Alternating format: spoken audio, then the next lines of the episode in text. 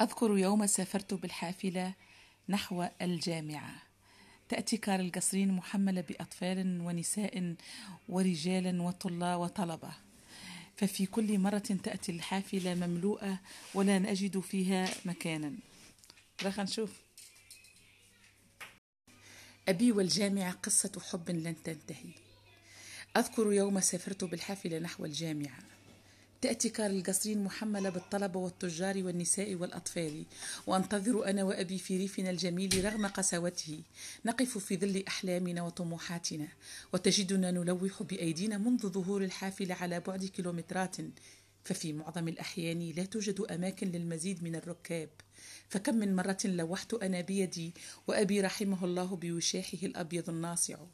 بياض الثلج لكن هيهات تمر الحافلة دون اكتراث. أذكر يومها اشترى لي أبي حذاء جميلا لكن للأسف كان صغير على قدمي الكبيرة. لكن لبسته لشدة جماله وأقنعت نفسي أنه بإمكاني الذهاب به للجامعة.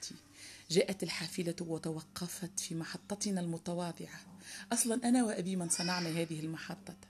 منذ ذهابنا للمعهد ثم للجامعة ركبت بعد أن دس لي أبي مصروفي في جيبي. فآخر شيء يقدمه لي أبي هي النقود بعد النصائح طبعا بالاجتهاد والابتعاد عن المخاطر. أذكر عندما كان يقول لي بالحرف الواحد بنتي حطي الملح في عينيك. كل يوم جيبي بونتو زيت ركبت وأنا جد سعيدة ولوح لي أبي ببسمته المعتادة وانطلقت الحافلة. وعاد أبي لمنزلنا. كانت مملوءة بالركاب لدرجة أن معظمهم ليس لهم أماكن يجلسون عليها. وكنت أنا أتألم من الحذاء الذي يؤلم قدمي ورغم ذلك كنت أطير من الفرح. فأنا أركب الحافلة وأرتدي حذاء جديد وذاهبة للجامعة. كم أنا محظوظة!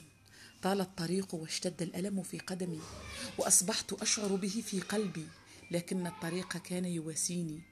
ويقول لي هوني عليك سوف نصل وسوف يزول الألم وسوف لن يطول هذا الإحساس. وأنا أنظر في عيون الركاب لعل أحدهم يشعر بألمي ويمنحني ويمنحني مقعدا أجلس عليه ولو للحظات. لكن للأسف ترمقني بعض العيون بوحشية. هذه فتاة تذهب وحيدة للساحل ماذا تفعل؟ لماذا هي ذاهبة؟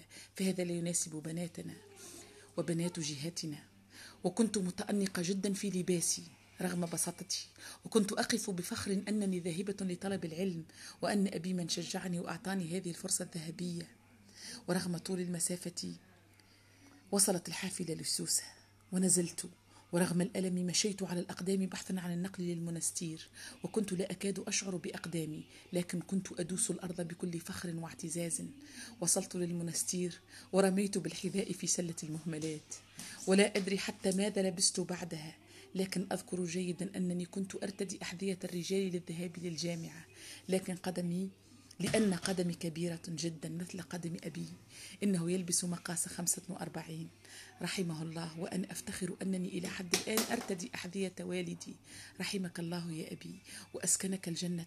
سوف أظل أفتخر كل الفخر وسأظل, وسأظل أحدث عنك الأجيال والطلبة والتلاميذ. دمتم بألف خير.